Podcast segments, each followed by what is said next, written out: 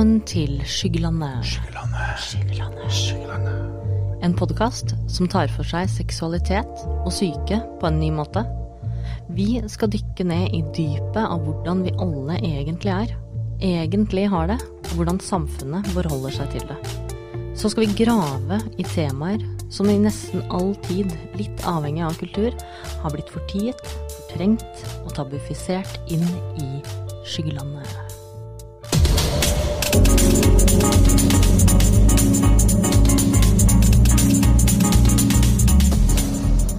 Jeg er Katarina, en helt vanlig dame i 30-årene som utforsker skyggelandet i meg selv. Og i dag så har vi med oss Tittan, som er kinkfluenser, og Tessie, som er en lokal kingster. I dagens episode så skal vi leke med tau. Og det fins mange måter å leke med tau på. Vi har klatretau og vi har hoppetau, men vi skal ikke drive med det i dag. Vi skal se på noe helt annet, nemlig shibari. Og Tittan, du har, eh, du har, sett eh, mye på dette her, og sett mye på dette her med historie. Kan du hjelpe meg litt? Hva er shibari? Ja, jeg har vært og satt, satt meg ned på internett og funnet litt, så jeg kan fortelle litt fra internett nå. Mm. Før jeg begynner, jeg kan ikke japansk, så jeg beklager hvis jeg uttaler de japanske ordene og uttrykkene feil. I antikkens Japan måtte man bruke det metallet man hadde, til våpen, så de brukte tau bl.a. til å holde på fanger. I Edo-perioden, ca. 1600 til 1870, etablerte Japan mer enn 150 hojujitsu-skoler, hvor man kunne lære å binde forbrytere av krigsfanger. Over århundrene utvikla hojujutsu seg til en kampsport, og ble brukt av samuraier som jobba i politiet i Edo-perioden. Mange av disse teknikkene og stilene har påvirka den moderne japanske kinbaku. Kinbaku er et japansk ord som direkte oversatt betyr knytte stramt, og beskriver kunsten å binde en person ved å bruke enkle, men visuelt komplekse teknikker. I løpet av 1930-tallet ble Japan og Tyskland alliert, og dette førte til en kulturell utveksling. Tyskere lærte kinbaku og brakte den kunnskapen til Europa, hvor det utvikla en vestlig variant som var basert på en streng estetikk og en livlig flytende dynamikk. Den stilen her ble kalt fusion. Ordet shibari har også sin opprinnelse i kulturen i Edo-perioden. Det var en relativt fredelig periode med økonomisk vekst, sosial og kulturell utvikling. Og det var i denne perioden sukubaku, bondage, ble introdusert i en form av en slags begrensning, straff eller tortur, siden man ikke hadde fysiske fengsler. Ordet shibari betyr direkte oversatt å binde dekorativt. Bondage ble også brukt som en form for ydmykelse, da særlig av kvinner, på åpne rom og torg. Fra og med 1800-tallet starta medlemmer av de høyere sosiale klassene å koble nakne kvinner med myke og nedverdigende bondage-stillinger, som de så tegna og brukt i en seksuell erotisering av bondage. En annen interessant del av den japanske bondage-historien finner man i de gamle politiregistrene. På 1600-tallet ble tradisjonell bondage også brukt som et selvmordsrituale for dem som hadde forbudt kjærlighet f.eks. folk fra forskjellige sosiale klasser. De her bandt seg sammen ved hjelp av shinju-teknikken, og så gikk de ut i en elv, en innsjø eller i havet for å dø sammen. Mot slutten av 1800-tallet og begynnelsen av 1900-tallet ble hujujutsu påvirka av vestlige konsepter, og arven etter bl.a. Marquis de Sade. Etter andre verdenskrig ble kinbaku utbredt i Japan av magasiner som Kitan Club og Yomikiri Romance som publiserte de første bondage-bildene med nakne modeller. Fra denne perioden begynte Shibari å gå inn i det sosiale livet gjennom forskjellige typer kunst. Man kunne se det i teaterforestillinger, lese om det i litteraturen, se det på kino og til og med i moten. Begrepet shibari ble populært i Vesten på 1990-tallet og ble brukt til å beskrive kinbaku. I dag fortsetter japanske og vestlige utøvere å påvirke hverandre, noe som helt klart er enklere og går fortere nå som alle er online. Så er spørsmålet heter det kinbaku eller heter det shibari. Det er tre ting som må oppfølges før man i det hele tatt kan bruke ett av de her begrepene. Det må se pent ut, det må være effektivt, og det må ha en japansk estetikk. Og det her finner man både i kinbaku og i shibari. Kanskje kan man si at kinbaku er mer tradisjonell og hviler mer på de japanske røttene, mens shibari er mer dynamisk og utvikler seg stadig vekk her i Vesten, men det er heller ikke helt riktig. Det jeg vet, er at de aller fleste i Norge kaller den japanskinspirerte bondagen med dobbelt tau for shibari. Så da gjør jeg det også, for enkelthets skyld. Ok, dette her er jo veldig spennende uh, og interessant. Så det vi kanskje kan si, er at uh, shibari er en kunstart innenfor bondage. Hva har du lært av å holde på med det her? Så jeg begynte jo med tau som 16-åring. Og i veldig mange år så drev jeg ikke med shibari. Jeg syntes det tok så lang tid og så så vanskelig ut og fælt. Og så var det i Oslo som viste meg at det kan gjøres lett og fint. Og da ble jeg bitt av basillen. Ja, for det ser jo unektelig Det har sett litt bilder og gula, altså, det ser jo unektelig komplisert ut. Ja, og det ser mer komplisert ut enn det er. I hvert fall til å begynne med. Altså, Den første du lærer, er ikke så veldig komplisert.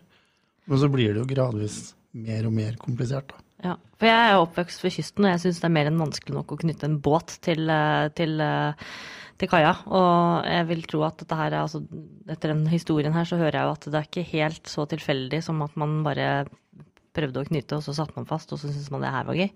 Nei. Nei. Ikke er... helt som lutefisk. Nei. og det er jo heller ikke så veldig mange knuter. Nei, det er mer det at man bruker friksjon i tauet til å holde fast tauet. Ja. Mm.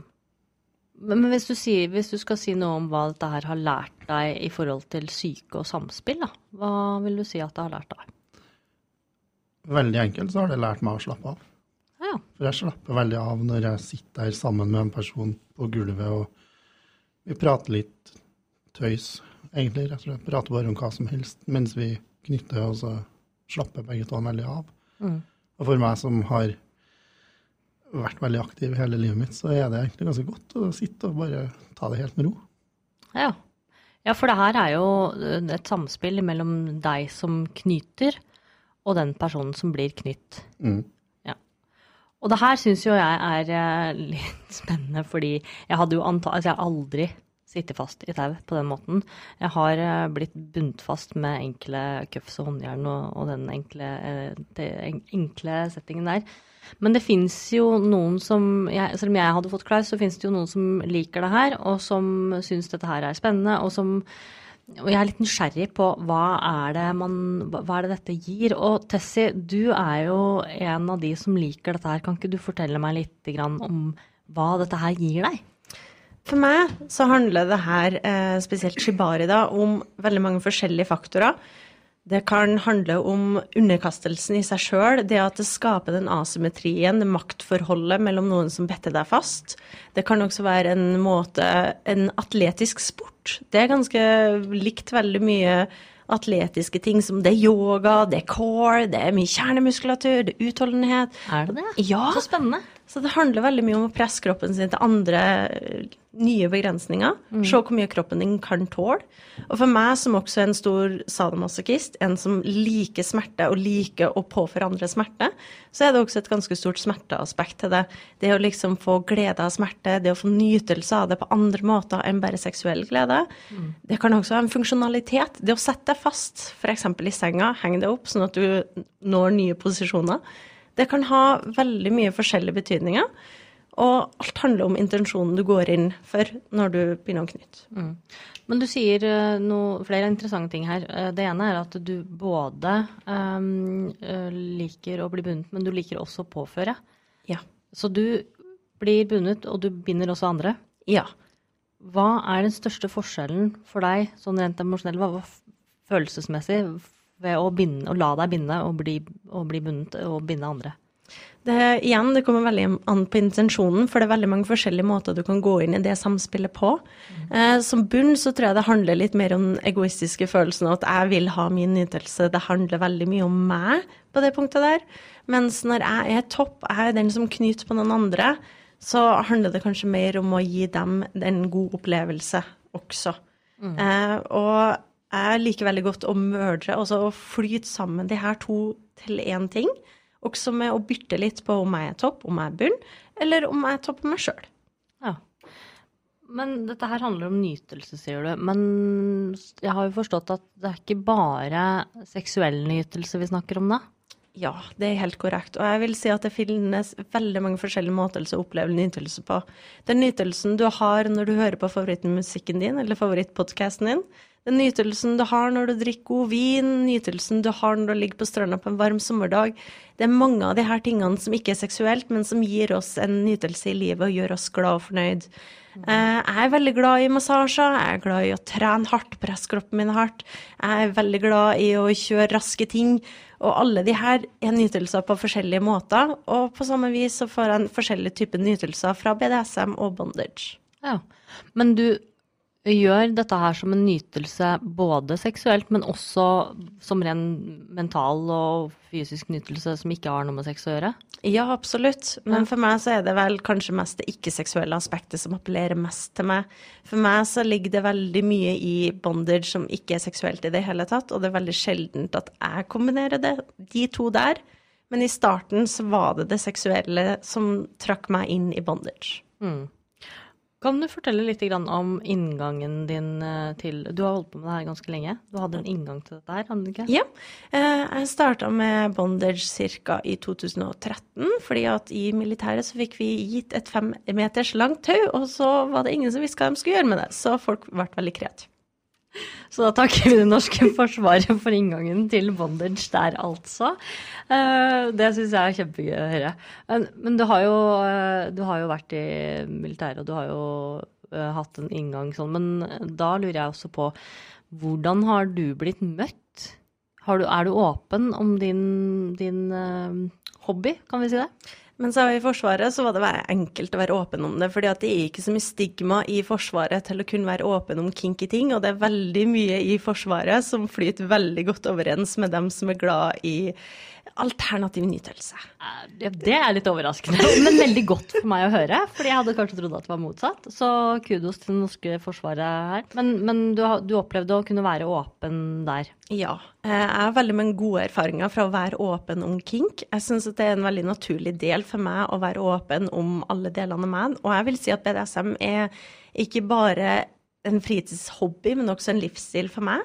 Det er veldig sånn heavy implementert i absolutt alle aspektene av livet mitt. Romantisk, det er en del av hvem jeg er som person, hva jeg snakker om, hva jeg liker å gjøre på fritida, hva som gjør meg glad, hva som får meg til å senke skuldrene på en lang fredag. Altså, det er en del av hverdagen for meg. Men nå er jeg også i en jobb. Jeg er en pedagog, en lærer. Og jeg kan ikke lenger være åpen om det til hvem som helst. Eh, og det er også OK, men det medfører jo en annen type måte å være på. Spesielt når man snakker om å være i lag med familie og folk som kanskje ikke trenger å vite om sånne her ting. Mm. Føler du at det er litt skam rundt det? Er det derfor du øh, føler at du ikke kan si det, eller er det en annen grunn til at du syns det er vanskelig å være åpen om disse tingene? Mye om det handler jo om skam, men ikke alt er min egen skam. Mye av det handler jo om det sosiale stigmaen som finnes i samfunnet vårt i dag, og de konsekvensene det kan ha for jobb og for samliv og alt som er lovlig, egentlig. Ja, for hvilke konsekvenser kan dette her ha for jobben din? Altså Det jeg er redd for, er jo eventuelt å ikke lenger få en ansatsplass. Eh, det jeg er redd for, er jo å bli hva skal jeg si, utstøtt av familie og venner. Det blir sett på som ustabil eller psykisk syk på noen måte. Og det her er jo ikke ukjente ting. Og selv om Norge har kommet utrolig langt på denne veien, så er det mye stigma, og det er veldig mye tabubelagt. Og det er også veldig, veldig mye stereotyper og falske tanker om hva det her dreier seg om, og hva det har å si for de folkene som driver på å praktisere det her. Og det er jo uh, kjempefint at du sier disse tingene, fordi vi har jo en del stigma, vi har en del skam. Og det, de konsekvensene som du eh, nevner her, er jo ganske store konsekvenser for ditt sosiale liv og deg som vesen. Hva vil du si at Hvordan vil du si at det er å leve livet ditt sånn som du gjør nå, uten å kunne være åpen om dette her? Jeg føler ikke at det er unaturlig. Jeg tror det er ganske mange som sånn som meg syns det er greit å ha noen sfærer som ikke krysser hverandre. Eh, for meg så har jeg sosiale sfærer som er utelukket kinky, og som omhandler BDSM-folk, og folk som deler den hobbyen, interesse og livsstilen. Og så har jeg andre sosiale sirkler som ikke overlapper i det hele tatt, men som handler om andre ting. Mm. Og det tror jeg er ganske normalt for folk. Det går helt fint å ha ulike identiteter, og det har veldig mange. Folk har ulike identiteter når de er på jobb, når de er med familie, når de er med venner. Mm. Det, de fleste takler det godt, men for noen så passer det bedre å være åpen. Mm. Og jeg tenker også det kommer jeg nok sikkert til å kjøre som et mantra gjennom hele denne podkasten her, at det skal ikke være det at man dytter pornografi og, og all sin skamløshet på andre, men, men, det å kunne ha muligheten til å gjøre ting uten å være redd for konsekvensene som det har i all den tid vi er innafor lovlighetens rammer, selvfølgelig. Jeg har et annet spørsmål til deg, Tessie, for du sier jo veldig mye om, eh, om, om, hva det her betyr for deg. Vil du si at det er en, eh, en, seksuell legning? For meg så tror jeg det handler mer om identitet. For legning, da går man mer på den seksuelle delen av hvem du er som person. Mens for meg så er bondage og BDSM spesifikt ikke-seksuell i veldig mange aspekter. Og derfor så knytter jeg det tettere opp mot identiteten min, hvem er jeg som person. Og jeg kunne definitivt ikke ha levd uten det, for det er en veldig stor del av hvem jeg er. Mm. Så hvis vi hadde tatt bort, altså hvis du hadde tatt bort muligheten til å bedrive BDSM, så hadde det, det hadde kjentes i livet ditt? Uten tvil, og det tror jeg hadde vært veldig vanskelig å få både en romantisk forhold og få nære vennskap og få lidenskap og trivsel i hverdagen. For det, det er såpass stor del av livet mitt. Og nå er vi jo inne på et tema som, som, omhandler det å kunne få lov til å være et helt menneske og hele seg. Uten å bli stigmatisert eller, eller skambelagt av den grunn. Du har en del historier rundt det her. fordi eh, ettersom jeg har hørt, så er du fadder for LSM. Ja, det stemmer. Hva er LSM? LSM er en av de organisasjonene som opererer i Trondheim, som organiserer BDSM-aktiviteter og treff. Eh, mange av dem er sosiale lavterskeltilbud som gjør det at folk kan komme ut på en trygg arena. Vi møtes gjerne på en restaurant, bare for å spise, ta en øl i lag, bli kjent. Og det er veldig ufarlig, men det er generelt bare for å hjelpe folk å møte hvem er det som er i miljøet, og se at det ikke er halvparten så skummelt med lær og pisker og kjetting som folk ofte ser for seg når de tenker på hvem er det som er i lokalmiljøet mitt. Ja, for at folk ser jo sikkert for seg at dette her er mye skumle greier. Hva er det du møter for noe? Eh, hva er det folk tror? Hva er det du møter? Hva er det du har hørt for noe? Hva, hva spør folk deg om når det gjelder det her tingene her? Du hører jo mange rare tanker, og folk tenker jo ofte det verste når de blir redd. Jeg har hatt folk som har kommet på første sosiale kaffetreff, og de har møtt opp hvit som et laken og nærmest holdt seg fast i bordflata mens de har kaldsverta og vært kjempenervøse for at det plutselig skulle svinge ut en eh, pisk og slå dem over håndbaken. Men det, så ille er det faktisk ikke. Det er egentlig bare du og jeg som sitter her i vanlige arbeidsklær, og vi tar en pils i lag, og så snakker vi løst og fast. Og skal overraske deg hvor mye fellesinteresse man har utenfor King også. Ja, ikke sant. Det, hva, hvorfor tror du at det er jo ganske det er jo, Jeg skjønner jo at folk kan være altså Jeg hadde sikkert vært ganske skremt sjøl, for jeg har ikke vært på sånne kaffetrekk. Men jeg vet jo heller ikke hva det dreier seg om. Og hva, tenk, hva er det disse eh, tankene kommer fra, tror du? Jeg tror veldig mange forbinder BDSM med noe tabubelagt, og det gjør også at veldig mange hopper litt i konklusjonsbiten for å komme fram til det verst mulig tenkelige scenario. Så jeg har hørt historier som folk som sier at de ikke tør å komme og oppsøke det lokale miljøet fordi at de er i et forhold, f.eks. For fordi ja. de er monogame, fordi de er redd for at det her er synonymt med utroskap. Virkelig? Ja, eh, det har jeg hørt veldig mye. Jeg har også fått meldinger fra folk som spør om er det sånn at etter kaffen er ferdig, at vi drar på bakrommet og har en orgi? Ja, skjer det? Nei. Nei det skjer ikke. du har aldri vært på noe bakrom og hatt noe orgi i Trondheim, altså? Nei.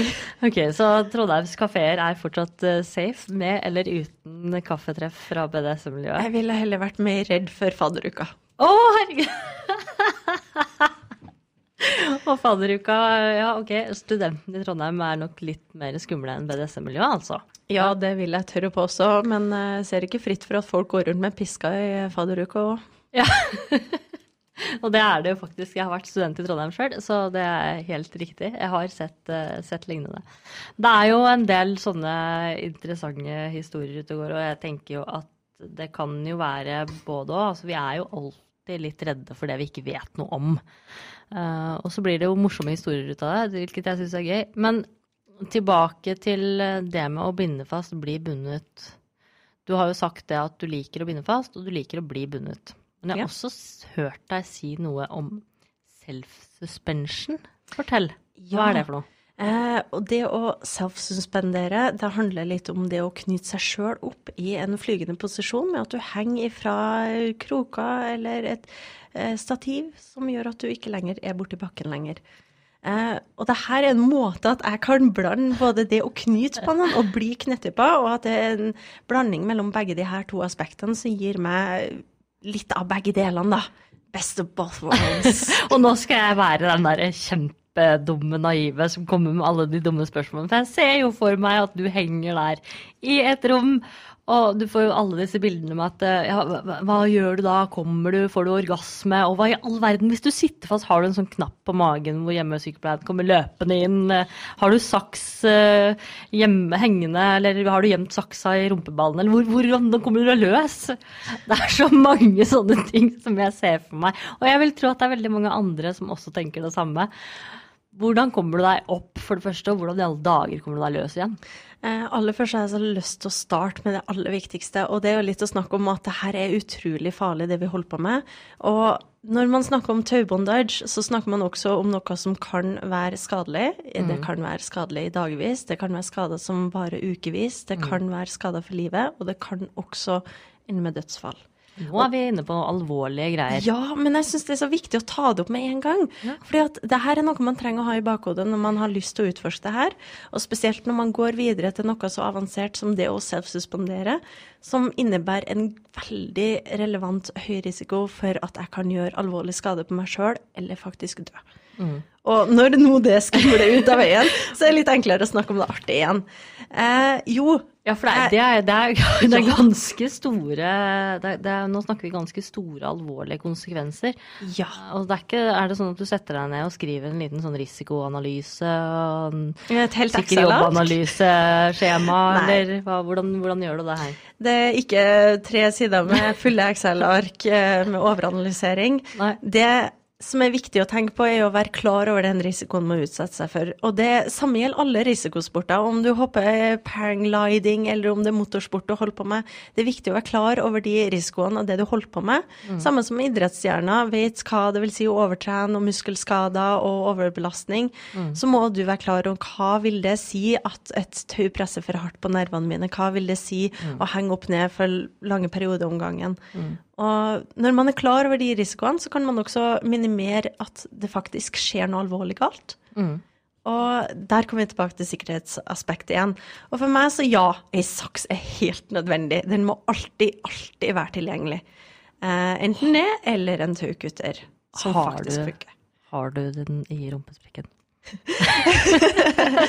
Hvor har du saksa? Det viktigste er at den er på kropp, så jeg pleier vanligvis å hekte den fast på meg med en karabinkrok, rett og slett, sånn at den alltid er innenfor min rekkevidde. Men Det- har du på deg klær når du gjør dette her? Eh, ja, det har jeg alltid. Ja, ikke sant? Og Ja. da kan du faktisk ha den i lomma, ikke nødvendigvis i rumpesprekken. Ja. Det, da var det ikke noe anale gleder i dag, eller går. Men du, så du har på deg klær. ja. Og så, øh, hva, hvordan går du fram? Eh, Jeg vil også ha noe som kalles en Jeg kaller for en spotter. Altså noen, altså de som holder på med idrett, er kjent med denne ordbruken fra før av. En spotter er rett og slett en som følger med og passer på at det du gjør ikke er alvorlig skadelig, og som kan hjelpe til å bryte inn hvis noe går galt. Og det betyr at du gjør ikke det her aleine. Nei. Ah, så folkens, ikke gjør dette hjemme alene. Eller gjør dette hjemme, men ikke gjør det alene. Um, og Titan, du har jo vært med på det her en del. og du sitter og ler litt på Tenker på folk som har gjort ting alene, ja. Ja, og på, ja, du har jo sikkert noen erfaringer. Du har jo holdt på med det her i mange mange år og gjort eh, noen erfaringer. Jeg våkna i natt da telefonen min ringte. Ja, Eh, Klokka er sånn tre eller noe. Jeg ser at det er en kompis fra BNS-miljøet. Mm. Sånn, det var rart at du ringer meg midt på natta, så, men jeg svarer jo. Det er jo raust av deg. Ja, En god venn i nøden Ja, ja, der, altså. Ja, det kan jo være viktig. Mm. Og det var det. det Fordi var det. han hadde bundet seg sjøl fast, og hadde jobba da i tre timer med å få tak i telefonen, for den lå nærmere enn saksa. Og var litt sånn «Øh, Titan, kan du være så snill å komme hjem til meg og hjelpe meg løs? Å nei, og han satt fast da aleine. Han, Han, Han hadde bundet fast seg sjøl og sittet fast i tre timer før han fikk til å ringe. Åh, kjære vet Så det var jo, da er det jo viktig å komme fort, da. Ja. Fordi som Tessie sier, det kan jo være nerveskader, det kan være permanente skader. Så jeg var liksom ja, du betaler taxien, jeg hiver meg inn med en gang, og så er jeg der om fem minutter. Men, og da, når du kommer dit, så er vedkommende fastbundet og hjelpeløs? Hadde klart å binde seg fast til en ganske stor og tung seng som han ikke klarte å løfte eller flytte på. Oh. Ja. Så jeg gikk jo bare rett bort til saksa, som faktisk ikke lå lenger enn fem centimeter unna hånda hans, men han hadde ikke sjans til å ta tak i den. Og klippa han løs. Ja. Så han var helt enig i at det var verdt å klippe ham til. også. Det var verdt å klippe ham For dette, te- disse tauene her er ikke, det er ikke vanlige tau dere bruker? Vi bruker jo tau av jute eller hamp, det er det vanligste. Og så har du lin, og så er det noen som bruker nylon eller andre ting. Og så har jeg sett folk av og til bruke paracord hvis de tar ut den slangen som er i midten. Og det syns jeg ikke personlig at det er bra tau, men folk får lov til å bruke det de vil, så lenge de har tatt risikovurdering på det. Og, og da er vi inne på litt mer sånn dypere forståelse av hva slags type tau man skal bruke og sånne ting. Og det, det skal man jo det skal gi noe informasjon om hvor man kan finne info om disse tingene. Men um, tilbake til deg, Tessie. Du har jo hatt noen sånne morsomme opplevelser, men du sier jo også noe veldig bra om det med å ikke gjøre dette her alene, som vi nå har fått et par gode eksempler på. Så folkens, ikke gjør dette her hjemme alene. Ha en spotter og en hjelpende hånd hvis man skal drive med dette her. Men hvis man er nysgjerrig på uh, shibari eller knuting eller BDSM, hva, hvor starter man da? Jeg, jeg vet jo ingenting om dette her. Og hvis jeg er nysgjerrig og tenker hm, dette her høres jo interessant ut, eller jeg vil gjerne vite litt mer, fins det noe sted hvor jeg kan dra og snakke med folk, eller lese om det, eller kan jeg melde meg på kurs? Er det som sving? Eh, ja og nei. Ja og nei. Ja og nei. Eh, som regel i store byer så finnes det et eget miljø for det, sånn som vi snakka litt om tidligere, LSM, som har åpne treff. Og det her er også et tilbud som veldig mange store byer i Norge har tilbud om. Ellers er det også landsdekkende nettverk, eller nettverk du kan finne på nett, som er tilgjengelig. Og da går det rett og slett å google BDSM i lokalmiljøet, se hva som finner der. Det finnes nettsider sånn som Fetlife eller Ung BDSM, som har ressurser og forumer der det går an å møte og snakke med andre folk som også er nysgjerrig eller har erfaringer. Det går an å dele artikler og lære om de tingene som interesserer deg, og lære om risiko. Det går an å bruke YouTube, f.eks. Søke opp hvordan gjør man ting steg for steg. Og så må man jo egentlig bare finne ut av hvor har man mest lyst til å begynne. Mm. Ja, men det er jo kjempefint fin informasjon. Jeg har lyst å ta den uh, samtalen her uh, til et sted hvor jeg, jeg har vært litt opptatt av at den podkasten handler ikke bare om sex, men nå har jeg tenkt å grave inn i det shibariske sexlivet, hvis det finnes. For vi har snakka mye om at det der handler jo om om nytelse på mange nivåer, og, kan, og ikke nødvendigvis seksuelt. Og du binder deg opp med klær og, og sånne ting. Men hvis vi skal gå eh, litt dirty inn i det, hva, hva er den seksuelle greia med shibari? Eh, Det kan være ulike ting. For noen så handler det kanskje det hotteste er å sette noen faste senga, eller å praktisk talt bare gjøre noen eh, ubevegelig, sånn at de ikke får det å kjempe imot. For det kan være litt hot i enkelte sammenhenger med samtykke også. Og bare knulle løs, Ja, ja. hvis vi kan si Ja, det, Ja. vi sier det, for dette er, dette er vår Det podkast. Ja. vår.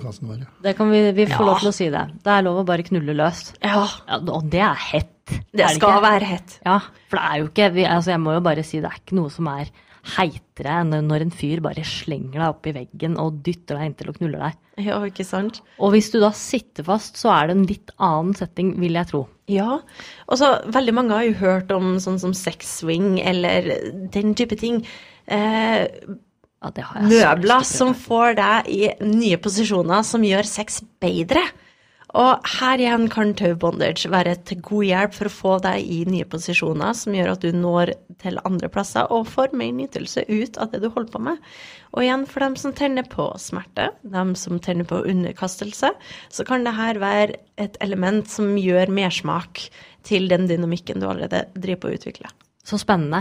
Hva er din favorittposisjon, eh, kan jeg si det? Hva heter det når du er knytt fast? Ja, jeg vil jo si posisjon. Det er favoritt, ganske bra. Hva er din favoritt-fastknytteposisjon for å få best sex? Hva er den beste du sier nå tak i nye punkter. Nå har jeg lyst til å nå tak i alle punktene på en gang her. Men dessverre så er jeg utrolig kjedelig på dette punktet. Uh, jeg blander jo ikke tau og sex sjøl, så det er vel litt vanskelig for meg å svare på. Ah, ja, skjønner. Så, så, det blir veldig forskjellig for deg? Ja.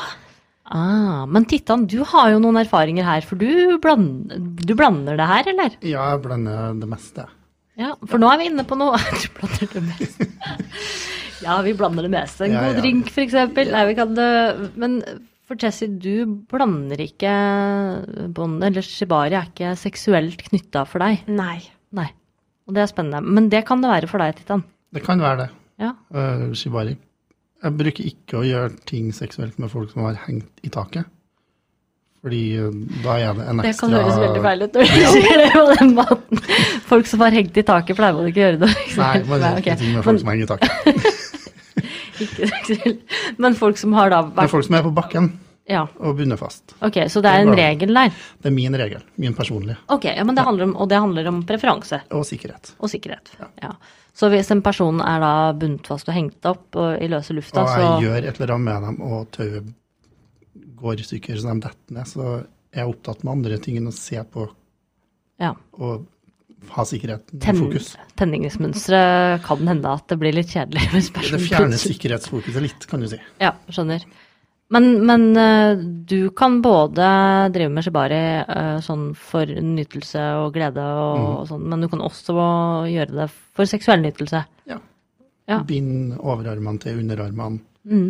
og legge han til lårene, så det står på alle fire i en veldig sånn rar stilling og får litt ekkelt når du blir tatt bakfra. Det kan være gøy ja, for enkelte. Ikke sant? Eller forfra, for den saks skyld. Ja, og, men opplever du også at man, når, at man får uh, når nye punkter, eller får liksom dypere glede, eller dypere penetrering, eller er det liksom hva ja. er altså, man, kan jo, man, kan jo, knytte beina sånn at de er mer spredd enn man vil klare å få dem spredd sjøl. Mm. Eller uh, løfta opp, eller hendene, hva som helst. Eller man kan sette fast folk på måter som de ikke får til å gjøre sjøl. Mm. Men da må man selvfølgelig passe på at de ikke sitter her for lenge, for da blir jo skada av det òg. Ja, for det er jo en hårfin grense mellom smerte og nytelse her, da. Mm. Vil jeg tro. Jeg kan jo se for meg at uh, ja, at det kan være både litt hjelp i å komme i en ny posisjon, men også litt sånn at det er eh, tøyer muskler og ja. ja. De bruker jo, altså Folk har jo sagt, både til meg og jeg har jo sagt det sjøl, jeg tror kanskje til og med Tessie har sagt det, at enhver binding, enhver shibari-binding blir tortur hvis den sitter på lenge nok. Fordi det blir bare Kanskje ikke absolutt alle, men veldig mange. I hvert fall hvis det er sånn, kroppen er litt vridd og sånt. Mm. Så sitter lenge nok igjen, så blir det vondt. Mm. Eller i hvert fall fælt. Eller ja. ekkelt, på en måte. Ja, det er jo sånn hvis man uh, husker på hvordan det er hvis du har sittet på beinet ditt og beinet sovner, så er det jo ikke noe behagelig. Jeg vil tro at det er noe av det samme. En viktig del av det å drive med BDSM handler om eh, samtykke. Jeg tror en god plass å starte er vel egentlig å gjøre seg vant med å spørre om ting, og bli komfortabel med å få et nei. Det tror jeg er en av de viktigste tingene man kan begynne å starte med. I BDSM-miljøet så er det veldig mye fokus på samtykke, men samtykke er noe du må praktisere, det er noe du må øve på, og det er noe vi alle har godt av å bli flinkere til konstant hele tida. Og det gjelder ikke bare innenfor kink og sex, men det gjelder i hverdagen også. Enkle ting som å spørre får jeg lov å gi deg en klem, er det greit at jeg tar på og ser på telefonen din akkurat nå, det, er det plass ved siden av deg? Og mm. sånne måter å spørre på er så bagatell. Altså, det er en kjempeenkel måte å spørre om samtykke på, men ofte så blir vi så redd Vi er litt norsk. Vi, er, vi, vi blir så redd for det nei-et. Ja. Og så tar vi oss i å bare gjøre ting eller ikke gjøre ting fordi vi er så redd for å få det nei-et. Og der er BDSM veldig flink til å pushe litt for at du må spørre, Mm. for du havner i situasjoner der du er nødt til å spørre. Mm. Og da må du også tåle det nei. Vil du si at det er verre, at du opplever at folk syns det er verre å få et nei, eller å si et nei? Det tror jeg er en veldig stor blanding av begge deler. Mm. Eh, det å sette begrensninger for seg sjøl og være god på og tydelig på egne begrensninger, det tar øvelse, det også. Mm. Og veldig mange har nok litt, litt flink pike-syndromet på at du tør ikke si nei, og så leder en ting til en annen ting, og så plutselig er man for dypt i det til å si noe som helst. Og det er så viktig å bare starte å være tydelig på det. Og da kan man starte med sånne små ting. Bare si nei én gang på noe helt ufarlig, og så ser man at det er egentlig ikke så farlig likevel. Mm. Der skal jeg bare dele en kort personlig erfaring, fordi jeg starta jo med Jeg, har prøvd litt BDSM sjøl. Og eh, for et år siden så kom jeg inn i det miljøet, og det var en skikkelig krasjkurs i å lære seg grensesetting. For der har jeg historisk vært kjempedårlig, både til å si nei, men også til å motta nei. Men i aller hovedsak å lære seg grensesetting. Og jeg må si at det var sjokkerende for meg at jeg i hele mitt liv eller slutten av 30-årene og hele mitt liv, så, så det, har jeg opplevd å bli, og at mine grenser har blitt overskredet i så stor grad at jeg nesten ikke tør å si nei. Og så kommer jeg inn i BDSM-miljøet, og det er først da at jeg opplever at mine grenser blir respektert, og at mitt nei faktisk er et nei. Og det er ganske spesielt.